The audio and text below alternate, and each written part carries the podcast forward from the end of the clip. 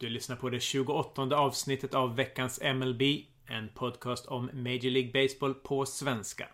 Men mellan alla namn, svåra begrepp och siffror är det också en podcast om så mycket mer. Välkomna att titta in i vår, ibland skruvade värld. Mitt namn är Niklas Hellerstedt. Och långt bort i stan, mannen som kastar sin fastball i change-up hastighet. Killen som går all in på rött ni vet. Olof A Win-Win Situation Svensson. Hallå där! Tjena Niklas, hur är läget? Jo men det är fina fisken. Är Alltså, det ju. mycket Ja. bra. Själv är det lite förkylt här, men det ska nog gå bra. Ja, ja, ja, det går säkert alldeles utmärkt. Yes. Nej, men vi kör väl igång, eller? Ja, det gör vi.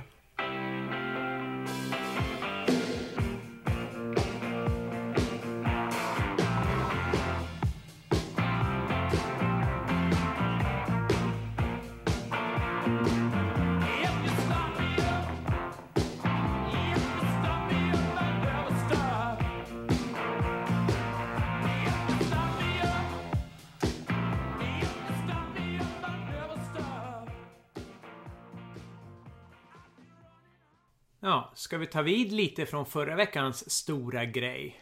Att A-Rod spelade sin sista match för Yankees i fredags. Mm.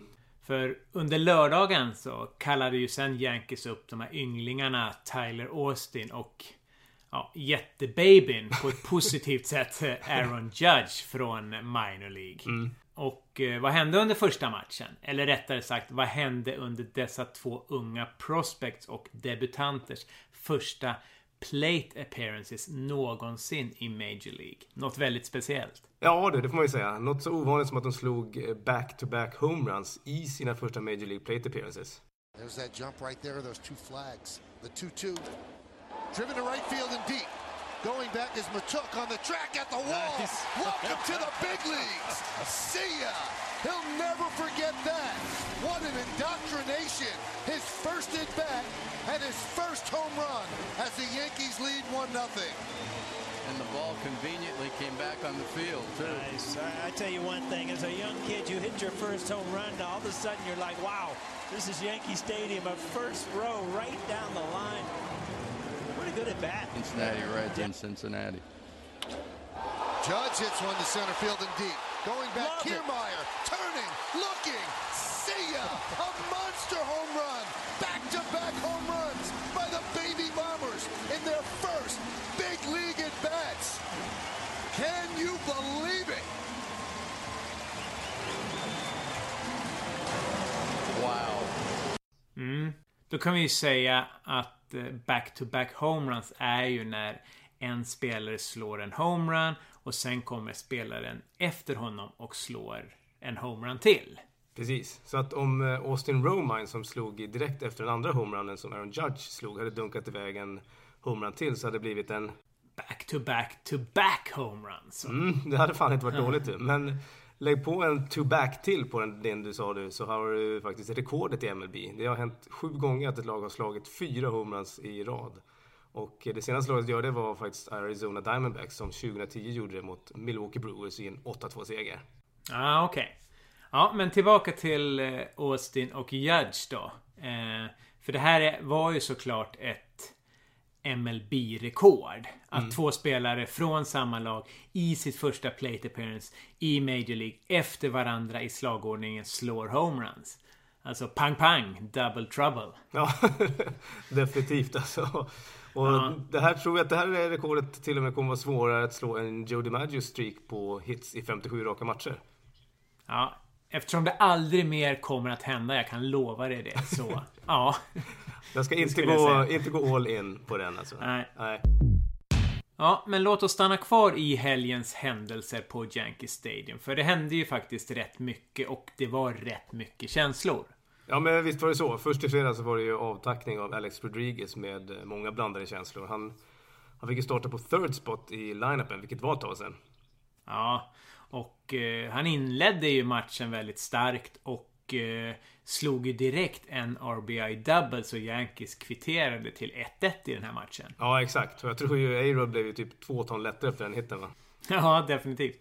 Eh, och sen fick han ju faktiskt avsluta hela matchen med att i vad blir det då? I toppen av den nionde inningen gå in på planen som tredje basman. Yes. Ja, en fin gest av Joe Girardi som i ett känslofyllt ögonblick på presskonferensen efter matchen förklarade att han, han verkligen ville att A-Rod skulle få den perfekta avslutningen. You know, I think people, some people think that I wanted to make negative decisions, but that's not the case. I have a huge heart.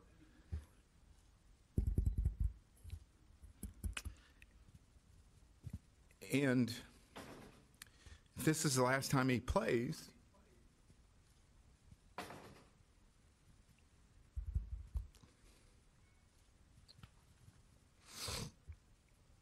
I wanted it to be something I never forgot. Ja, och det blev det väl kan man väl nästan säga. Jo, han fick ju faktiskt avsluta sin eh, karriär på Yankee Stadium inför massa influgna polare och familj. Slå en RBI double och så sen spela sista inning på tredje bas när Yankees dessutom vann över Tampa Bay Rays. Ja, och sen vaskades det Long Island Ice till hela natten lång i West Village läste jag med mm. Jamie Foxx och Spike Lee och modeller och annat löst New Jack City-folk. Snacka om happy ending du. Alex, getting a little emotional now. How difficult was it for you to keep your emotions in check tonight? Uh, it was difficult. Um, I can't say enough about these fans. Um,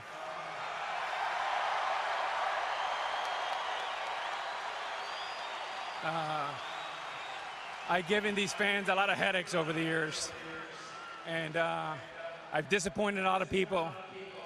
But like I've always said, you don't have to be defined by your mistakes. How you come back matters too. And that's what New York's all about. Ja, och när A-Rod fortfarande låg kvar där i satinlakanen så kom då lördagen med eh, Aaron Judge och Tyler Austins rekord eftermiddag. Mm. Vilket ju sammanföll med Yankees firandet av laget som 20 år tidigare hade vunnit World Series genom att slå Atlanta Braves med 4-2 i matcher 1996 ju. Ja, visst var det så. Och eh, visst måste man ju ändå reagera på symboliken när Yankees nu har rensat så mycket i leden. Eh, A-Rod har pensionerat sig dagen innan. Man firar en World Series-titel för 20 år sedan. Så kommer deras två kanske främsta prospects och gör så här. Ja, jo men så är det ju. Och Kanske var det någon form av nystart det här för Yankees. Yankees, alltså utslaget på ja, ett drygt dygn ju. Mm. Som, vi, som vi faktiskt fick se. Ja. Och eh, vi får inte heller glömma den uppkallade catchen Gary Sanchez som har tryckt iväg typ, jag tror det är fem homeruns på en, en vecka här nu. Ja, tjena alltså. Det känns som att Brian McCann är hyfsat överflödig va? Mm. Men både du och jag tror ju eh, att det här är ett litet mellanår för Yankees ju. Mm. Eh, de har ju förvisso fortfarande en liten chans att nå playoffs. Ja. Men å andra sidan så tror vi också att det bara blir just ett mellanår. Ja, absolut. Det, det kommer ju smälla till en del under off-season och de prospects som har plockat upp har gjort det bra hittills. Och nu kanske det blir Miami för A-Rod. Marlins är ju skadedrabbat och eh, nu är ju Giancarlo Stantons säsong tyvärr över. Ja, tyvärr så skadade sig ju Stanton i, vad blir det, lördagens match mot Chicago White Sox då han försökte stretcha en singel till en double. Mm. Alltså när man slår ett slag och försöker hinna till andra bas istället för att stanna vid första. Och eh, han slängde sig med huvudet först, en så kallad head first slide. Och sträckte sin ena Giancarlo ljumske ju. Ja, precis. Och det här visade sig vara så illa så att han behövde opereras. Och eh, senare så insåg man då att eh, säsongen nu är slut. Mm. Extremt hårt slag för Miami ju som... Ja, de har väl överpresterat lite det här året och för närvarande jagar de ju den ja, andra wildcard-platsen i National League. Mm.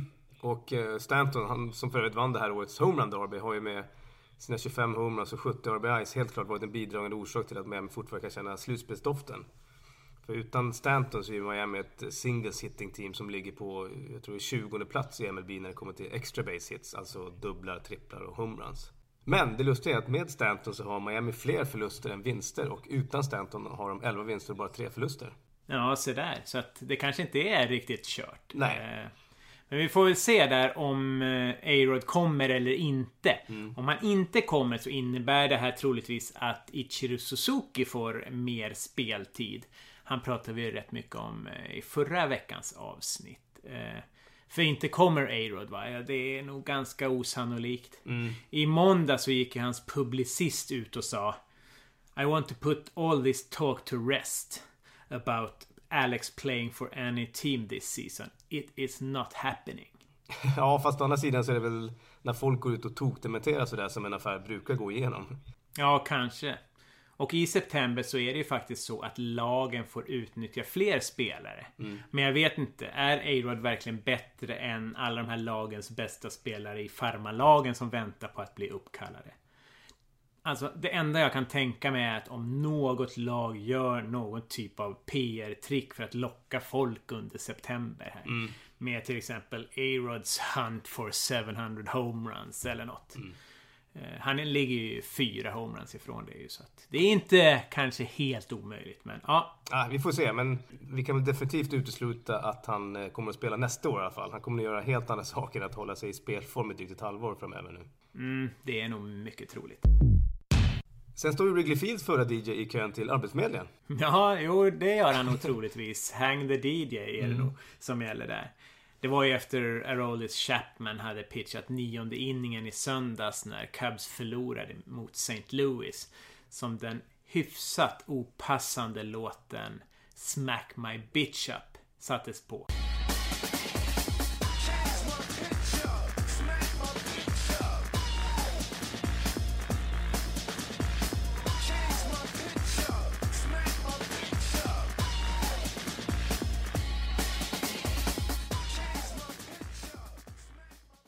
Det här har ju skapat lite debatt såklart. Ja, men visst, det stämmer ju. Cubs eh, organisation gick ju snabbt ut och fördömde det. Och sa att man avslutat kontrakten med personen i fråga. Och det här har ju väckt kritik mot Cubs. För att om de nu sparkar DJ för låtvalet borde de ju även sparka Chapman som kom till klubben för några veckor sedan. Med en eh, 30 matchers avstängning från MLB efter att ha tagit stryptag på sin fru och avlossat åtta skott i deras bostad i Florida under off-season i år. Eh, vad tycker vi själva om hur Cubs har hanterat situationen? Och det faktum att de verkar överseende med vissa saker i sin jakt på den första World Series-titeln på 108 år. Ja, det här skulle man ju kunna diskutera rätt länge. Men ja, för det första och andra och eh, tyvärr även tredje. Major League Baseball är big business.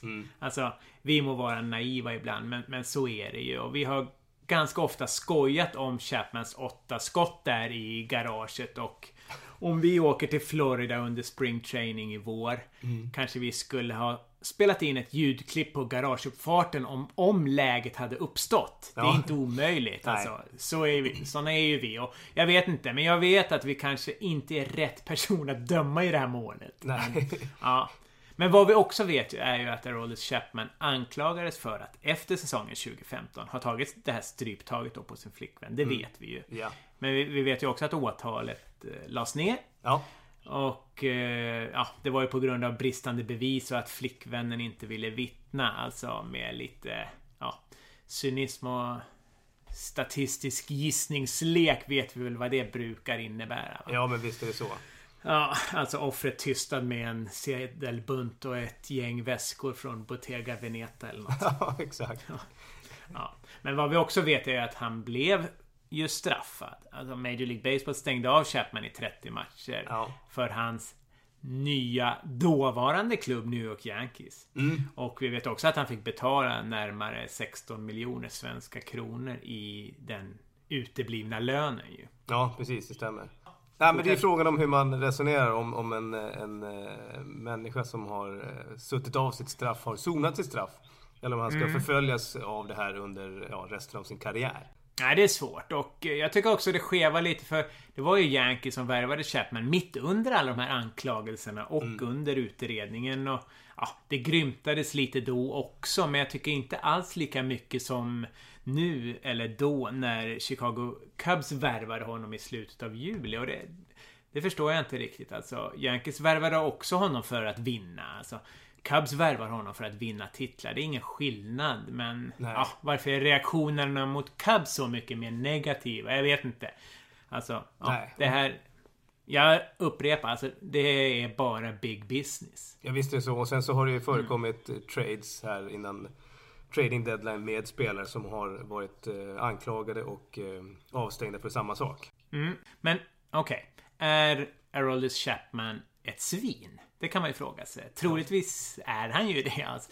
Eh, eftersom han troligen då tog stryptag på sin flickvän. Mm. Och då är det ju frågan, ska ett litet svin som kanske kommer kasta max, vad kan det bli, 30 innings för ett Chicago Cubs som kommer att spela, vad blir det på en säsong, 1600 innings, ens få liksom definiera de- diskussionen efter säsongen. Alltså, ska man och kommer man minnas Chapman? Ja, tyvärr så kan det väl mycket väl bli så. Eh, och det är mycket tack vare ältandet i, i media. Bland annat till och med en betydelselös podd på svenska. Som du känner till. Ja, men men. Oavsett om det har gått 108 år sedan sist kan det ju bli så att avslutningsbilden på säsongen 2016 är ett exploderande Wrigley Field och i mitten står Aroldis Chapman, den anklagade, både friade och straffade kvinnomisshandlaren. Eh, pekandes upp i natthimlen efter att strikat ut kanske den både djupt troende och den i high school-byggen och baseballakademier engagerade och helylle Carlos Beltran till exempel. Egentligen, vad vet Ja, vi om? Carlos Beltran? Men ja, det är i så fall bara att suga i sig alltså. Det, det är ju ändå bara big business. Jag tycker så här, det kommer vara, om nu Chicago Cubs går hela vägen, vilket inte är jättetroligt heller, men det kommer vara 108 år av Chicago som vinner, inte Chapman. Och det, och det är ju helt klart så att det är ju det hela Chicago Cubs ledning också vill. Att inget fokus läggs på den här minigrisen. Eh, därför var väl den här DJ-händelsen då inte helt lyckad såklart. Ja, och sen så skulle jag vilja veta eh, att eh, om eh, MLB och står de, ställer de till förfogande någon slags eh, beteendeterapi eller hantering av varför Chapman är ett svin? Eller har Yankees gjort det? Eller kommer Cubs att göra det sen de värvade honom? Men eh, det har jag inte sett någonting om. Men, Nej, eh, när du säger big business, om man nu tänker på människan bakom. Mm. Liksom. Men det får vi väl återkomma till om vi får reda på det i Ja, så fall. nej men det, nästa vecka tänkte vi faktiskt eh, fokusera lite på Chicago. Så att eh, möjligt att vi återkommer i den här frågan då. Och eh, ni får jättegärna mejla in eller kontakta oss på andra sätt via sociala medier om ni har samma åsikt eller annan åsikt eller annan information i ämnet. Det, det vill ju vi väldigt gärna i så fall ta del av. Yes. En liten kortis. Eh, Jag läste att Atlanta tradeat infielden Eric Ibar till Detroit Tigers och att Dansby Swanson. Minns du Dansby Swanson? Jajamän, Arizona Diamondbacks första pick i draften och eh, top prospect som Atlanta Braves fick när de grundlurade Arizona eh, som fick pitchen Shelby Miller. Ja, exakt. Eh, Han har ju blivit uppkallad till Atlanta Braves nu från minor leagues och ska debutera eller debuterade mellan onsdagen och torsdagen. Eh, och eh, ja, han... eh, Det måste vi ha koll på hur det kommer gå. Ja, och eh, för Shelby Miller gick det inte jättebra i Diamondbacks va? Nej, ingen succé. Han har ju gått så att säga åt motsatt håll. Han är ju nerskickad nu i minor League och han pitchar just nu för laget Reno Aces i AAA. Ouch, så kan det gå ibland. Nej men nu, nu har det blivit dags för ett favoritsegment. Yes. Three strikes you're out. Och det segmentet det sponsras ju under sommaren av GameDay.se. Vad är det för något? Eh, Det är en eh, grym butik på nätet som säljer merch från de fyra största amerikanska sporterna. Baseball, basket, fotboll och ishockey. Och eh, ja, de vill ju gärna vara med och sprida baseballintresset i Sverige tillsammans med oss. Och därför med och låter ut fem kepsar till våra lyssnare. Så vad ska man göra då? Jo, man ska mejla in till hello at sundayfunday.se och säga att man vill vara med i den här utlottningen. Det är det enda man behöver göra. Ja, precis så enkelt är det faktiskt. Mm, och då får man, om man har lite tur, en av de här rabattkoderna som ger en en tjusig keps att skydda sig under i det här höstregnet som vi vet kommer. Jajamän, så ta chansen nu och klä upp dig inför postseason. Sista dag för det här är nu på söndag 21 augusti, sen drar vi vinnaren. Spännande, så mejla på. Jag vet faktiskt inte vad A-Rod fick i avskedspresent när han slutade. Nej. Det var någon ceremoni i fredags men den fick avbrytas på grund av några så här äh, plötsliga thunderstorms eller någonting tror jag.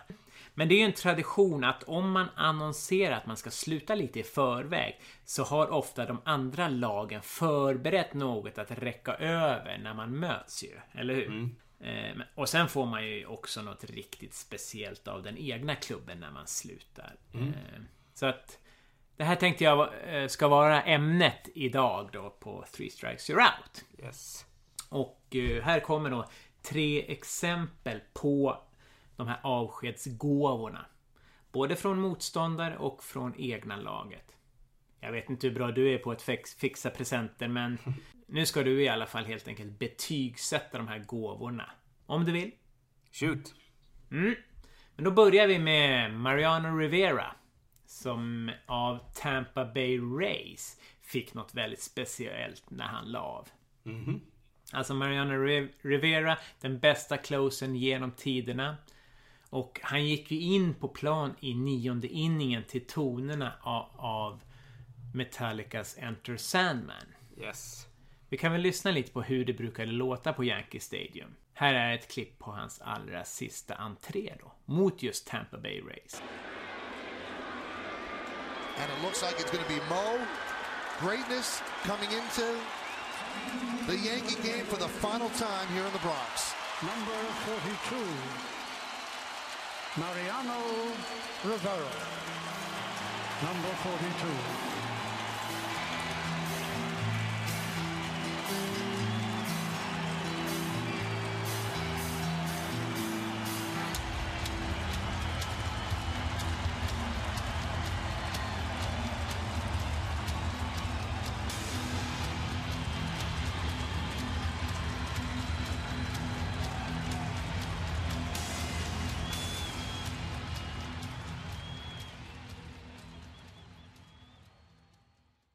Ja, det där är ju mäktiga toner. Ja, det får man Men, säga. vad- men vad fick han då? Jo, han fick en stor sandskulptur. Okej. Alltså säkert fyra meter bred och någon meter hög ungefär. Med ett ansikte av sig själv, inte alls lik. Och eh, bakom det Manhattan Skyline och så någon sån här banner med texten Enter Sandman. Okej. Tror du att den var lätt att få med sig hem? Nej. Va? Skulle han ha den i badet då eller? jag fattar ingenting. Ja, det var i alla fall vad han fick från Tampa Bay Rays. Vad får den för betyg? Den får sju. Ja, det här var ju 2013 året då eh, Mariano Rivera la av. Ja. Och samma år pensionerade sig Todd Helton i Colorado Rockies. Eh, och ja, han var inte en lika stor stjärna som Mariano Rivera, men avskedspresenten, den var nog, ja, den tar nog priset tycker jag. Okej. Eh, inför sista hemmamatchen eh, på Coors Field så presenterade klubben sin present. In kom en häst. En stor, riktigt levande häst. Vid namnet Busta Move. Buster Move, okej. Yes. Och eh, Todd han tackade i alla fall på, det här, eh, på den här presenten då på ett alldeles ypperligt sätt. På den första pitchen han såg i matchen så slog han en monster homerun. Alltså. Ja, så att snacka om Buster Move. Ja, det får man fan säga, alltså. eh, Ja, enligt ryktena så rider Todd Helton på den här hästen varje dag. Mäktigt. Han kanske är en singing Mm. cowboy. Jajamän. Ja, vad har vi för betyg? Ja, Buster här- Move. Den får eh, 6,5. Mm, härligt. Ja, då kommer vi till den sista avskedsgåvan. Den gavs nästan 100 år tidigare. Oj. Till Sonny Jim Bottomley i St. Louis. Han visste inte riktigt vad han skulle göra efter karriären. Men han var ändå en smart kille. Så att eh, han frågade om han inte kunde få något som han kunde ha nytta av efter karriären. Så mm, han föreslog själv en ko. Okej. Och visst, alltså så blev det. Sista dagen i St. Louis tjänst så kom de fram med en ko. Så med till Sunny Jims farm efter karriären kom också den perfekta kvigan med det perfekta namnet. Fielder's Choice. Yes. Ja, Mäktigt. alright. Vad säger du om det där? Vilken present väljer du som den bästa nu då? Är det en inte helt lik sandskulptur i skala 1 till 1? Hästen Busta Move eller Kvigan Fielders Choice? Nej, det måste bli Kvigan Fielders Choice. Får få en Yes. åtta poängare av mig. Oj, oj, oj. Oj, oj, oj. Ja, det är härligt. Ja, snyggt. Vem skulle inte vilja ha det? Nej. Ja, grymt. Va?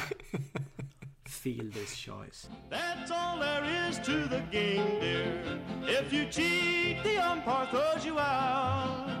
You cheated and you lied, you were never satisfied. You made three strikes and now you're out. Ja, vi nämnde ju St. Louis alldeles nyss med Son Jim Bottomley. Och vi tänkte ta oss en titt på den staden och det laget lite närmare den här veckan. Ja, det är mäktigt. Eh, St. Louis är till skillnad från vad många kanske tror inte en så särskilt stor stad med USA-mått mätt ska vi tillägga då. Eh, För det är den 60 största staden sett befolkningsmängd och bara näst störst i Missouri efter Kansas City.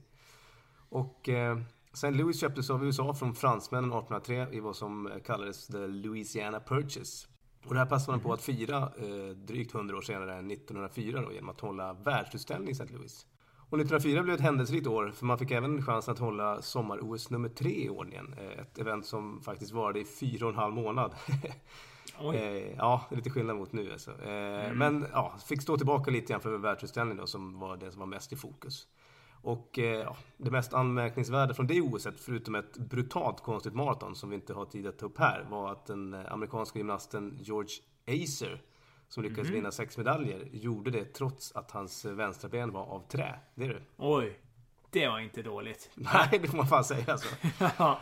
Eh, och sen som vi varit inne på tidigare i podden så föddes ju förra veckans eh, Three Strikes You're Out-profil Jogi Berra i staden och även Cool Papa Bell. Mm, mannen med det mäktigaste namnet i Hall of Fame om vi minns rätt. Jajamän. Ja, ja St. Louis var faktiskt den allra första amerikanska staden jag var i. Eh, back in 1996. När jag var där på baseballläger. Alltså 20 år sedan. Ah, på den tiden när både armbåge och axel satt kvar. Ja, exakt. Nej, men det var ju såklart ashäftigt att komma dit för första gången. Men om jag ska vara ärlig så minns jag faktiskt ingenting om stadens centrum och tror att det mest var så trista skyskrapor som det är i en del av de här städerna. Jag minns i alla fall att Mississippi rann genom stan eftersom vi alltid behövde korsa den och ta bilen genom det ganska stöddiga East St. Louis. Eh, där man aldrig, aldrig skulle stanna i trafikkorsningar. Inte ens vid rött. Utan och den här stadsdelen, eller den här delen av staden, så fick vi åka igenom för att nå motellet där vi bodde rätt långt utanför stan. Så ja, Mississippi är väl den ena grejen jag kommer ihåg med den stan. Och eh, sen har de det här andra, det här stora monumentet, the, the Gateway Arch. Ja, just det. Den där bågen som ser ut som en av bågarna i McDonalds-hemmet va? Ja, exakt. Du kan dina bågar. Jajamän. Ja, jag för mig att den här bågen ska symbolisera någon form av Gateway to the West och hur man tog sig vidare liksom västerut mot Kalifornien. Men ja, jag minns inte riktigt. Men man kan ju i alla fall åka upp i den här jäveln också. Vilket vi faktiskt gjorde. Och eh, i något ej så pålitligt hissystem där man satt i typ små svinsmå kapslar och hissades upp inuti den här bågen. Oh, upp eh, 200 meter. Och sen kliva ut och huka sig fram till några supersmå fönster längst upp i kröken där. Det var ju liksom klaustrofobi deluxe. För att sen liksom spana ut över landsbygden där med Mississippi-stan och självklart Bush Memorial Stadium. Den gamla arenan. Det var faktiskt den allra första Major League-arenan som jag besökte. 11 april 1996. St. Louis Cardinals mot Philadelphia Phillies. Mäktigt. Jag antar att du satt där som en fågelholk hela matchen. Ja, jo det gjorde jag nog. Fan, det, var, men det var häftigt ja. såklart. Eh, Men vad säger historieböckerna egentligen om Cardinals? Jo, som alla säkert vet så spelar de ju nu i National League Central. Och eh, det var en entreprenör vid namn Chris von der Ahe, tror jag han uttalas, eh, det namnet. Som köpte ett så kallat eh, barnstorminglag som då hette Brownstockings. Och vad är ett barnstorminglag för något? Jo, det är alltså ett lag som åker runt i landet, oftast på mindre orter för att spela uppvisningsmatcher. De spelar ju alltså inte någon organiserad liga. Till exempel så har vi ju Harlem Globetrotters som kanske är det mest kända barnstorminglaget. Ja, Alltså i mellanstadiet hade vi någon gammal filmrulle med Harlem Globetrotters. Jag vet inte om ni hade likadant i eran skola men... Nej, jag hade kommit till Luleå ännu. Nej, just det. Men vi fick kolla... Den här filmrullen fick vi kolla på när läraren behövde ta en paus eller vad han nu gjorde. Om han limmade på andra lärare i rökrummet. Men hur som helst så vet jag att det var populärt att dra igång den här filmrullen baklänges. Så då jublade ju hela klassen. Yes, good old days alltså. Ja, det var inte mycket som behövde stå i. Men frågan är om inte TV-laget är ett ännu kändare barnstorminglag. Mm. Vad säger du? Alltså, fotbollslaget med bland annat Micke Syd Andersson, Refat El Sayed, Peter Antoine, Janne Boklöv och Martin Melin i laguppställningen. Det är du. Oj, oj, oj. Numera är det väl eh, Patrik Ekwall som roddar den här förtäckta partyturnén, va? Är det inte det? Ja, vi får nog låta det vara osagt. Ja, alltså vilket som är störst, Harlem Globetrotters eller TV-laget med partypolisen Martin Melin i spetsen? Nej, det är nog bäst det. Men jag vet inte hur underhållande det skulle vara att se Refat El Sayed dra en lina baklänges. Vad tror du? det läser. Hur som helst så lyckades eh, von der Ahe få med laget i eh, American Association som var lite av en föregångare till National League eftersom den blev eh, så att säga uppäten av National League.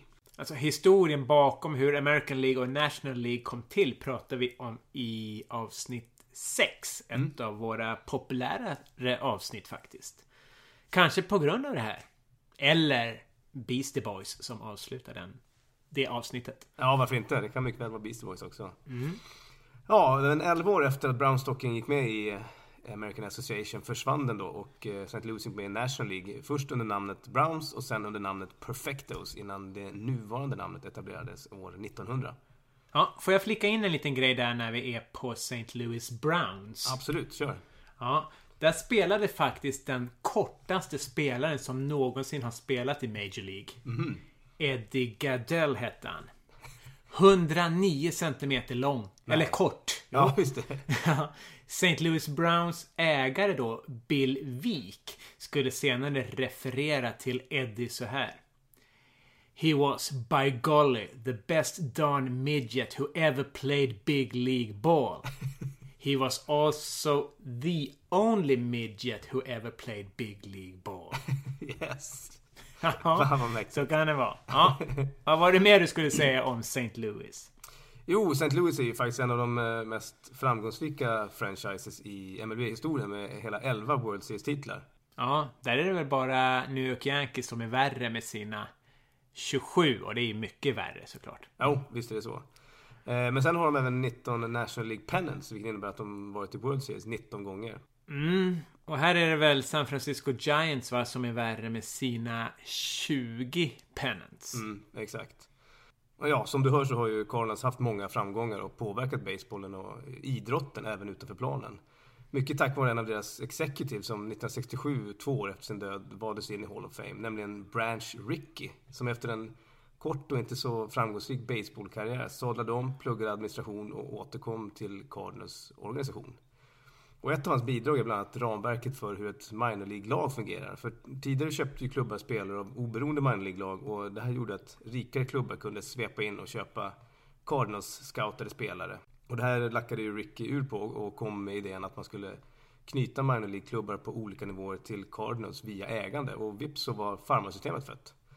Och Mm. eh, utöver det så var han faktiskt den första att signa en afroamerikansk spelare. Jackie Robinson. Exakt. Men det var även han som draftade den första afro-hispanic-spelaren. Mm, Roberto Clemente. Ja. Lyssna på avsnitt 17 för en genomgång av Robertos karriär och livsöde. Mm, kan man rekommenderas. Mm. Och utöver det här då så var han även delaktig i expansionen av MLB då han var involverad i uppstartandet av Continental League. Eh, som var en liten eh, konkurrent då och som skrämde MLB så pass att de till slut vek sig och började utöka ligan med fler lag. Och sist men inte minst så kan vi tacka Branch Rickey för införandet av slaghjälmen. Ja, som nog har räddat ett antal pannben va, genom åren. Ja, det får man ju säga. Ja, men det finns ju många spelare och bedrifter som har sammanknippat med Cardinals genom åren. Jag tänker ju då framförallt på Mark McGuire som uppumpad som en bulgarisk tyngdlyftare slog Sammy Sosas rekord, eh, satt samma säsong på 66 homeruns på en säsong. Mm. Då hade Sosa alltså tidigare slagit det 37 år gamla rekordet satt av Roger Maris på vad var det, 61 homeruns. Mm. Och det var några häftiga fighter under ett par år där både Maguire och Sosa slogs om att slå det här rekordet. Alltså det... Ja, det beställdes väl rätt mycket på postorder då också. Ja, det får man säga. Alltså. Ja, men så var det. Men till slut så blev ju bägge dragna vid näsan av den om möjligt ännu mer uppumpande Barry Bonds som eh, faktiskt idag innehar det nuvarande rekordet på 73 stycken. Eh, men utöver de här då så har vi ju även en annan profil, managern Whitey Herzog som med sin filosofi att spela myntade begreppet Whitey Ball. Och det här var ju föregångaren, eller grunden till något som vi idag kallar small ball. Vad är, vad är det för något?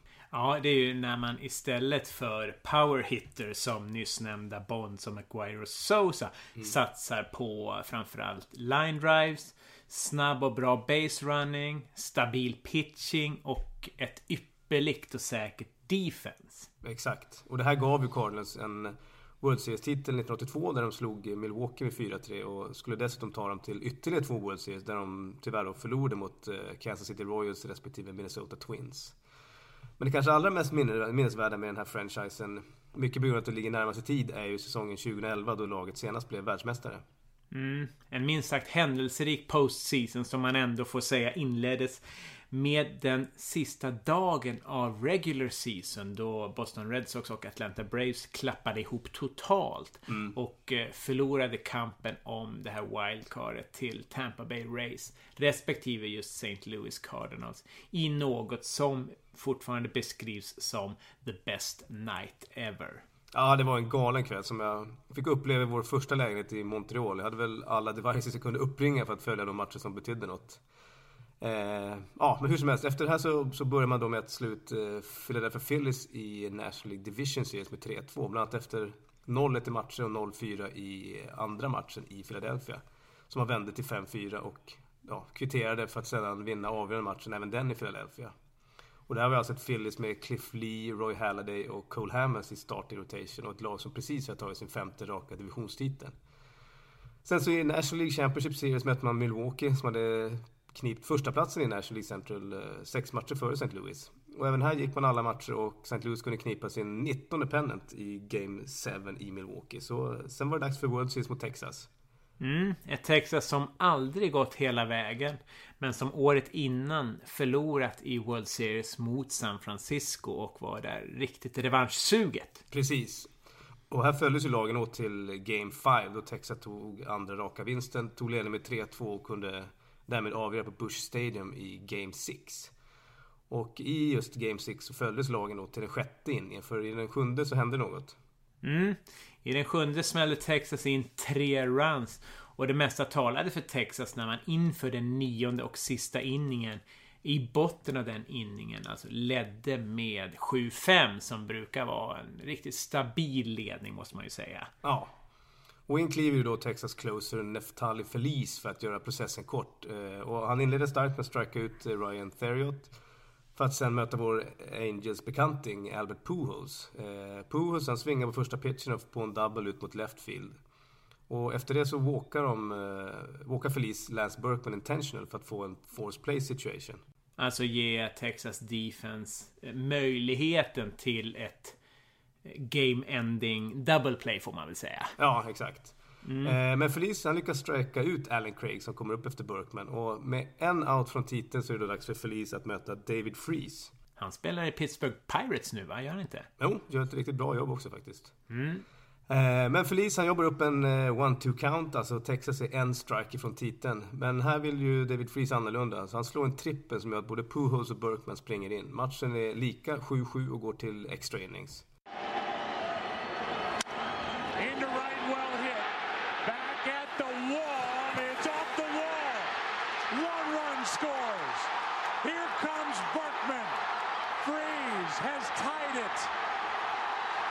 7-7.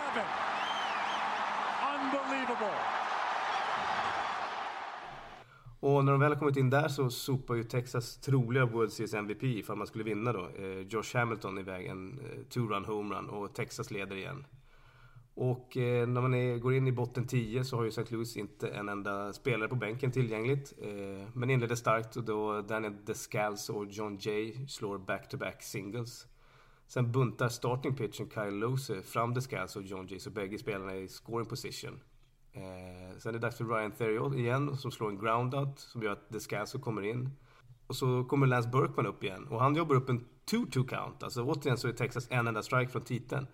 Men Burkman får på en singel och matchen är kvitterad återigen. In the air to right center. This game is tied. To third is Pujols, and it's 9-9.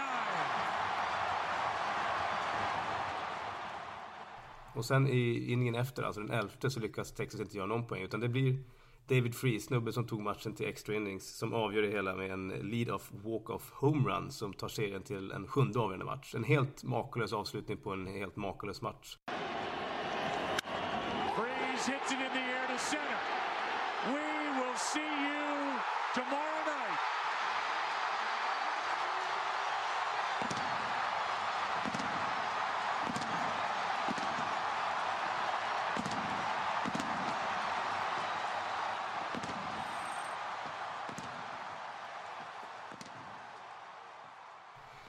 Hur gick det sen i den sjunde matchen?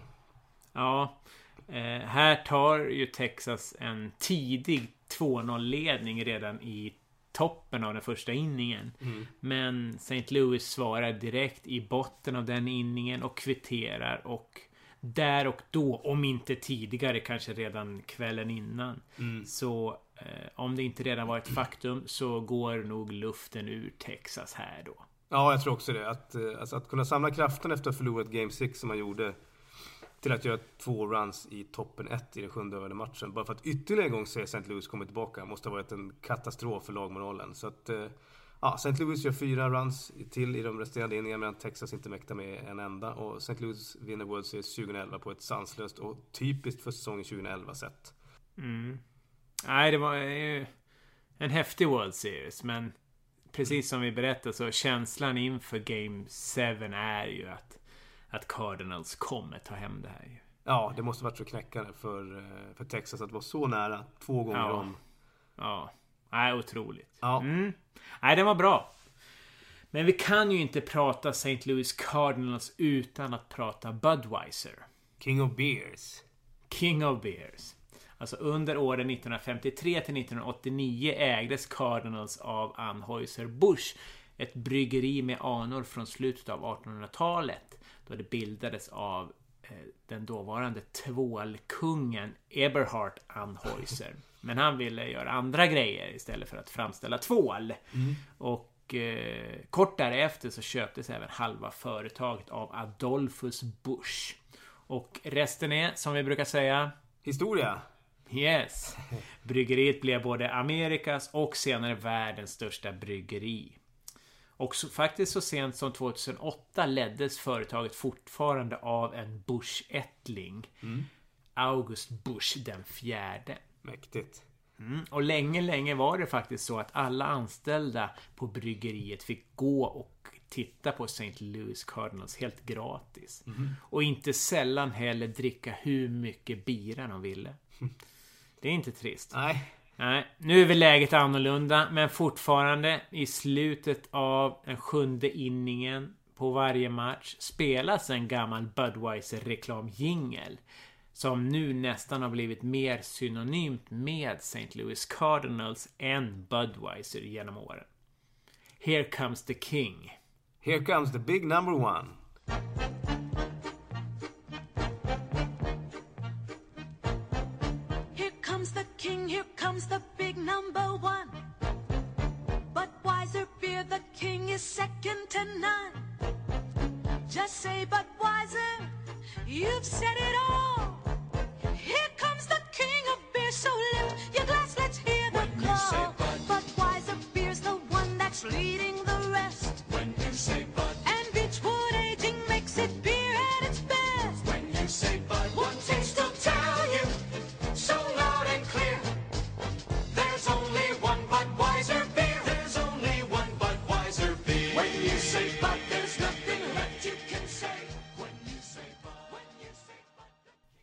Tråkigt. Men eh, St. Louis av idag då? Är det något att hänga i julgranen? Nej, men kanske i Gateway Arch. Ja, just det. Man kan ju börja med att säga att framgångarna har fortsatt även efter 2011. För de har varit i postseason varje år sedan dess. Även om de inte har nått ända fram. Närmast var det 2013 när de faktiskt gick till World Series. Ja, just det. Men där ville David Ortiz och Boston Red Sox annorlunda va? Jajamän, Big Papi satte stopp och var väl den World Series MVP om jag minns rätt. Mm. Mm. Men i år då, som sagt. Om vi börjar med chansen att vinna National League Central så är de väldigt små. Ja, på, eh, på Fangraphs är deras procentchans att vinna divisionen en promille. Mm. Och då ligger de ändå tvåa i divisionen. Ja, det är sjukt. Ja. Men man ligger ju 12-13 matcher efter Chicago Cubs. Mm, som man i och för sig då eh, vann två av tre matcher mot just i helgen. Ja, precis. Och det var ju efter den här förlust, sista förlusten som den här Smack My Bitch Up incidenten inträffade. Som Mm. vi pratade om tidigare. Men ett wildcard är klart inom räckhåll faktiskt. Ja, och som vi sa tidigare så var det just via ett wildcard som de blev World Champions 2011. Så det behöver inte vara helt fel. Nej. Om vi räknar med att ett av wildcarden går till det lag som inte vinner National League West. Ja, då menar du alltså eh, Los Angeles Dodgers eller San Francisco Giants? Mm. Mm. Så slåss Cardinals om det andra wildcardet med framförallt Pittsburgh Pirates som just nu är trea i samma division där i National League Central som Cardinals. Mm. Samt som vi tidigare sa, det numera i och för sig Giancarlo Stanton saknande Miami Marlins och New York Mets från National League East får vi inte heller räkna bort riktigt än. Nej, där förutsätter vi att eh, Washington Nationals tar hem divisionstiteln. Och om vi ska fortsätta med probabilities från Fangraph så är chansen att något annat lag än Nationals ska ta hem National League East bara 0,7 procent. Mm, nej, så att där kan vi väl också räkna hem Nationals som ett postseason-lag. Mm. Mm. Så St. Louis har ändå en bra chans, men de är fyra lag som slåss om det här andra wildcardet i National League. Mm. Ja, bra genomgång av läget i National League. Alltså Washington Mm. Nationals, Chicago Cubs och antingen Los Angeles Dodgers eller San Francisco Giants kommer vinna sina divisioner. Och det första wildcardet kommer att gå till Dodgers eller Giants och det andra hamnar i St. Louis, Pittsburgh, Miami eller i Queens hos eh, New York Mets. Så är det ju. Och vi har ju snackat du och jag om att nu när det börjar dra ihop sig mot playoff börja med ett litet återkommande litet segment som just nu har arbetsnamnet The Playoff Picture ju. Mm. Och eh, ja, det kanske är så att nu kanske vi precis har startat det segmentet. Ja, varför inte? Alltså med, Mm. med bara sex veckor kvar av säsongen så är det väl dags. Och nästa vecka kör vi då eh, även läget i American League. Mm, nej men det tror jag kan bli bra. Ja, men om vi ska gå in på några aktuella spelare så kan vi ju åter stifta bekantskap med Aledmus Diaz. Mm. Som vi pratade mycket om i april om du minns. Ja. För det var ju så att eh, St. Louis shortstop situation var väldigt oviss då. Mm.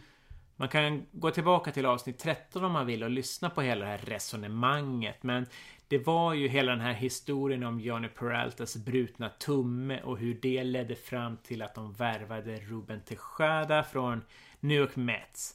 Som också han blev skadad och ja, shortstop-positionen var liksom up for grabs där när säsongen startade. Ja men precis, och den tog ju Aledmis Diaz när han fick chansen i april. Alltså han slog ju 480 under första månaden. Mm. Alltså hans batting average 480. ja. Vilket är extremt högt såklart och inget man kan ha under en hel säsong såklart. Men hur har det gått sedan dess? Jo, alltså han har givetvis inte 480 i batting average längre, men han är St. Louis shortstop och han leder hela lagets interna statistik om just batting average. Han ligger just nu på 312 tror jag. Mm. Ja, det är inte illa för en rookie och Johnny Tummen Peralta är faktiskt tillbaka i laget. Men han blev bortknuffad från shortstop till tredje baspositionen som han ett tag då delade tillsammans med Matt Carpenter. Mm. Och det här verkade vara en jättebra lösning som funkade ja, helt okej för Cardinals. Men tänk den lycka som varar för evigt. Ja, precis. Eh, För tråkigt nog så har ju även eh, Aledmis Diaz skadat tummen eh, tack vare en hit by pitch och verkar bli borta ett bra tag. Men vad hände med Ruben Tejada då? Nej, inte så mycket skoj faktiskt. Alltså, efter några månader i St. Louis så byttes han bort till ett skadedrabbat San Francisco Giants. Men där fick han inte speciellt mycket speltid heller och hans batting average låg på 167 när Giants bestämde sig för att vara på kontraktsspråk kallas designate for assignment. Alltså, man tar alltså bort honom från 40-manna-rosten eller truppen. Och därifrån kan man på olika sätt bli tradad eller upplockad av en annan klubb. Och om inte det händer så kan man bli kvar i organisationen och vad som kanske är ett lite jobbigare scenario, man blir så kallad outrightad. Som är att man blir nedputtad till minor leagues, vilket just hände med Ruben som numera husar i farmarlaget Sacramento Rivercats där han i dagsläget slår 256, vilket är medelmåttigt. Men vi får se om han återkommer till Major Leagues till slut. Mm. Nej, men som vi sa tidigare, alltså spelartrupperna får ju expandera här under september. Men ja, vi får väl se då om Giants väljer att plocka upp Ruben Tejada eller inte. Mm. Men ja, det är väl en hel del som tyder på att det är bye-bye Tejada. Hej Felix! Du hade en, hade en fråga till mig? Ja, som ni hör har det blivit dags för en fråga igen. Och den här gången kommer den från Fredrik som undrar lite över bascoacherna. Ja men precis, här kommer den. Vad gör first och third base coach? Man ser dem vifta och ge the go-ahead sign, men det måste ju vara mer än att eh, bara vifta och hämta sunkiga armbågsskydd.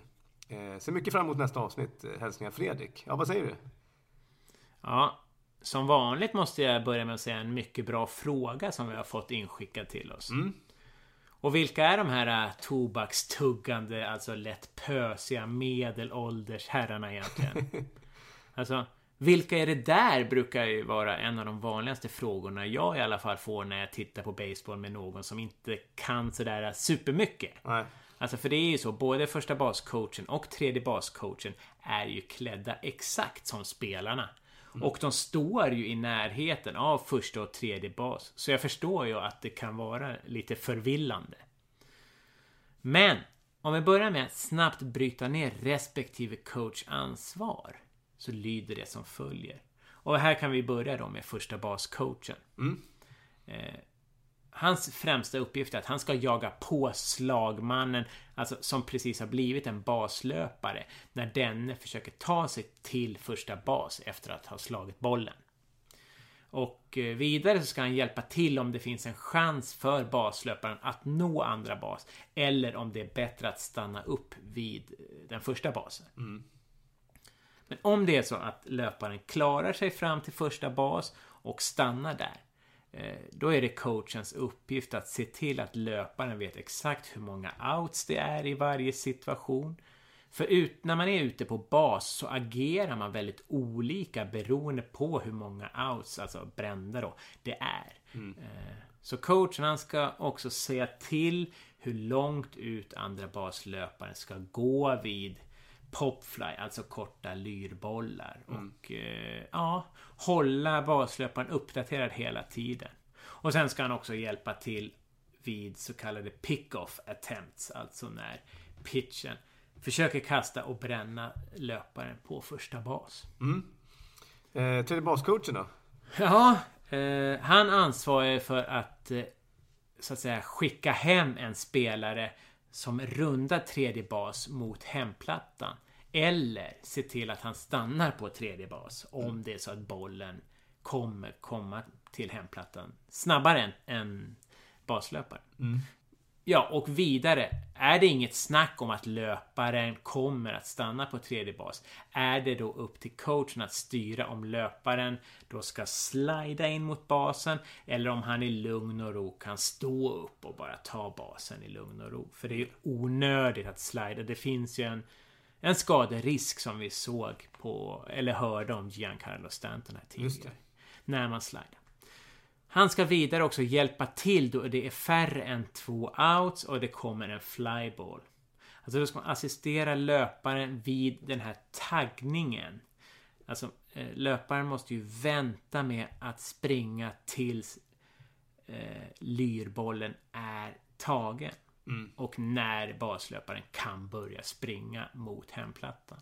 Om så är fallet, det kan lika gärna bli att han säger åt löparen att stanna kvar på tredje bas. Mm. I de här fallen om lyrbollen eller eh, flybollen inte är så lång eller om det är någon av outfieldern som tar emot den som har liksom ett kanonkast. Ja, visst. Då kan, då kan det vara smartare att säga till baslöparen att stanna kvar på tredje bas. Mm. Ja, sen lite små uppgifter men även här då eh, se till så att löparen vet hur många outs det hela tiden är. Så att man tar rätt beslut. Mm. Och eh, det här är ingen rocket science direkt kan man tycka. Även fast det är en hårfin gräns mellan en löpare som springer hem en poäng och en löpare som blir bränd. Det är ju nästan alltid bascoacherna som får skulden när det blir fel i base running. Men eh, de senaste åren har i alla fall första bascoacherna fått en allt mer viktigare roll, eller hur? Mm.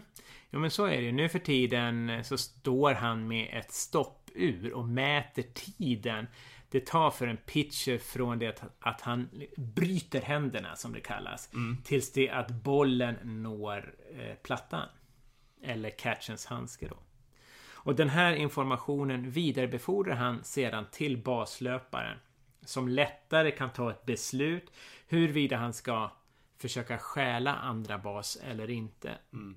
Han har till och med koll på vilka counts, alltså ställningar i hur många strikes och balls Mm. som tar extra lång tid för pitchen att få bollen till catchen.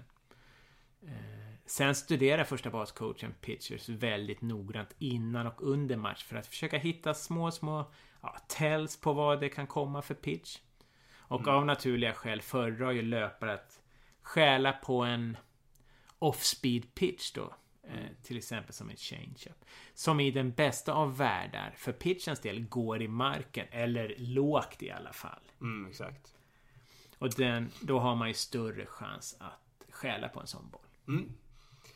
Ja, när man kommer till tredje bascoachen så kan ju inte han bara ställa sig vid tredje bas och vinka hem folk samtidigt som man inte bara får hålla löpare. Man, man brukar ju säga att en tredje bascoach som inte får en out vid hemplattan eh, under en hel säsong, han är inte en bra tredje bascoach helt enkelt. Man måste liksom våga ibland.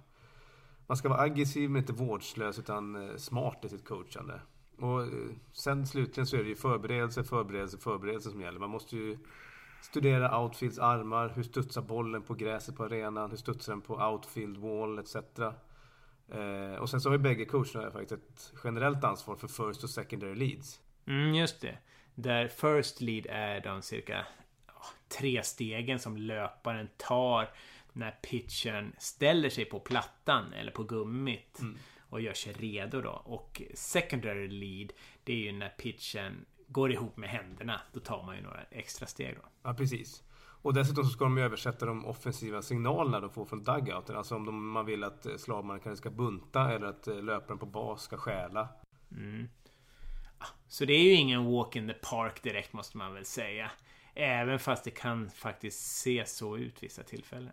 Nej, precis. Jag läste faktiskt att snittlönen i MLB för bascoacherna ligger på mellan 75 000 och 125 000 dollar. Vilket ändå är helt okej för att stå tugga tuggtobak och se 162 matcher per säsong.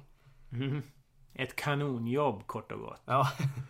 och jag minns faktiskt när man spelade själv så hade man ju sällan riktiga sådana här coacher såklart. Nej. Eh, Utan då fick spelarna som inte skulle slå på ett tag eller om man hade avbytare vara bascoacher. Ja, och jag tyckte alltid det var jäkligt eh, skoj. Alltså, man påverkar ju ändå spelet rätt mycket ibland.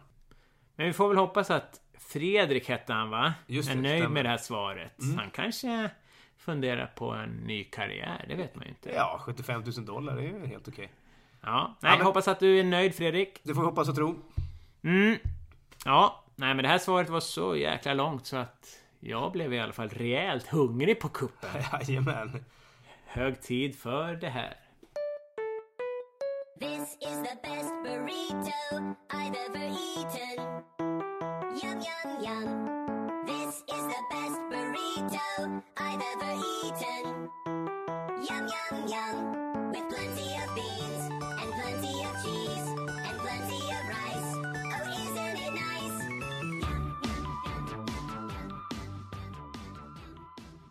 Ja, då har det blivit dags för käk igen. Och idag ska vi snacka om en specialitet man hittar i St. Louis på alla 24 hour diners som eh, finns. Och som är det perfekta nattkäket innan man går hem och dunar efter partyt.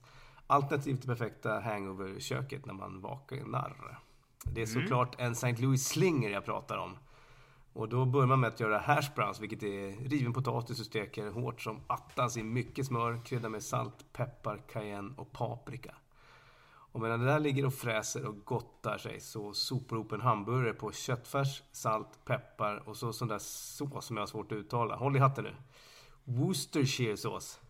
Ah, kors i taket, halleluja och halva Norrlands inland jublar. Satte den alltså? Väck. Ja, jag tror fan det. Ja, vi får väl spela tillbaka och verkligen lyssna, men jag tror fan du satt den. Fy fan vad gött. Gött. Ja, men den här början steker man alltså på till eh, ja, den temperatur man eh, tycker bäst om. Då. Eh, och efter det här så steker man på två ägg och så tre till fyra baconskivor som såklart ska vara knapriga. Eh, så lägger du ut hashbrownen på tallriken. På med början i mitten, på med ägg och bacon. Strö över lite hackad gul lök och sen täcker man allt det här med chili.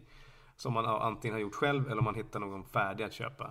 Och här kan det vara bra att förbereda den kvällen innan så man slipper stå och koka chili i tre timmar när bakfyllan Mm. hänger över den. Just det. Eh, och det här avslutar man då med att strö över eh, riven cheddarost. Och eh, till det här så har man naturligtvis en iskall flaska Budweiser. King of beers. King of beers. Sen kan man dö lycklig det. Ja, herregud. Det är inte bara min mage du hör kurra. Nej. Utan även Martin Melins. Jag tror det faktiskt. Ja. Yes. Ja, innan vi stänger ner för den här veckan. Följ oss gärna och prata med oss i sociala medier. På Twitter och Instagram heter vi veckans MLB. Gilla gärna våran sida på Facebook. Där heter vi Sunday Funday. Ja, och sätt gärna betyg i iTunes också, får vi inte glömma. Ja, det vore superbra. För då kan den komma lite, lite högre upp i sökningar och bli lite, lite lättare att hitta för andra baseballintresserade. Mm. Och eh, vad använder vi för hashtag, Olof? Ja, men det är väl veckans MLB va? Ja, bra. Och mejla oss gärna frågor, funderingar, applåder, burop, hyllningar, idéer, tips, whatever. Till vilken adress, Olof? Ja, men det är ju hello at sundayfunday.se. Ja, du håller koll på den inboxen dag som natt. Dag som natt. Och du gillar ju att sitta och knåpa på de där svaren har jag märkt. Mm. Jag brukar ju få en kopia då och då. Ofta ramlar det in något på natten. Ja, jag brukar försöka skriva svar under reklamavbrotten på nattmatcher ibland. Ah, smart. För att inte somna alltså. Exakt. Så eh, hjälp till att hålla mig vaken. Hello at sundayfunday.se är adressen. Grymt. Yes. Ja, men då är det ju faktiskt så att nu återstår bara en liten sak. Ja, lite musik va? Mm, precis. Som vanligt. Och jag kan väl också tipsa om att all musik som vi har spelat här finns i en Spotify-lista som heter Musiken från veckans MLB. Prenumerera på den. Jag uppdaterar den varje vecka så att... Mm. Ja, ett litet tips. Men den här veckan så tänkte jag att vi skulle återvända till St. Louis. Och en låt som hyllar laget. Den är skriven av Cardinals-supporten Luke Dowler. Och jag tänkte att den kunde vara en perfekt avrundning idag. Vill också rikta textraden Keep on doing what you're doing till dig Olof. Alltså, mäktigt. Nej, vi slår väl in låten på fyra och åker va? Det gör vi. Mm, vi låter Luke Dowler med Cardinals hyllningen Hey St. Louis ta oss in i helgen. Chipperella på er. Ciao! Hey, Fred Bird, have you heard? It's another October. A big sea of red, KMOX. Get up, baby, get up, get up. Yeah, we stay win or lose. We arch for a view, and we ain't no fair weather fans. We're birds of a feather, we flock together. Remember with pride, stand the man.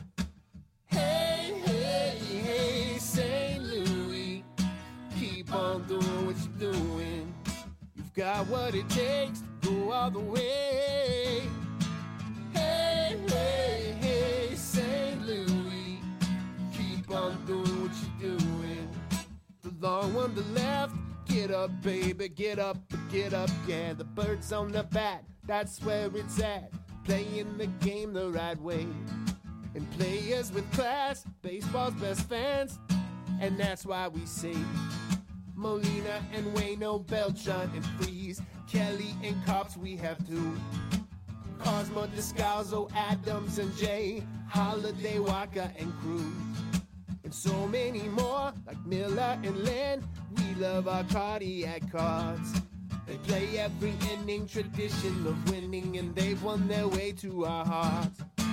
Hey, hey, hey, St. Louis, keep on doing what you're doing got what it takes to go all the way. Hey, hey, hey, St. Louis, keep on doing what you're doing. With the long one to left, get up, baby.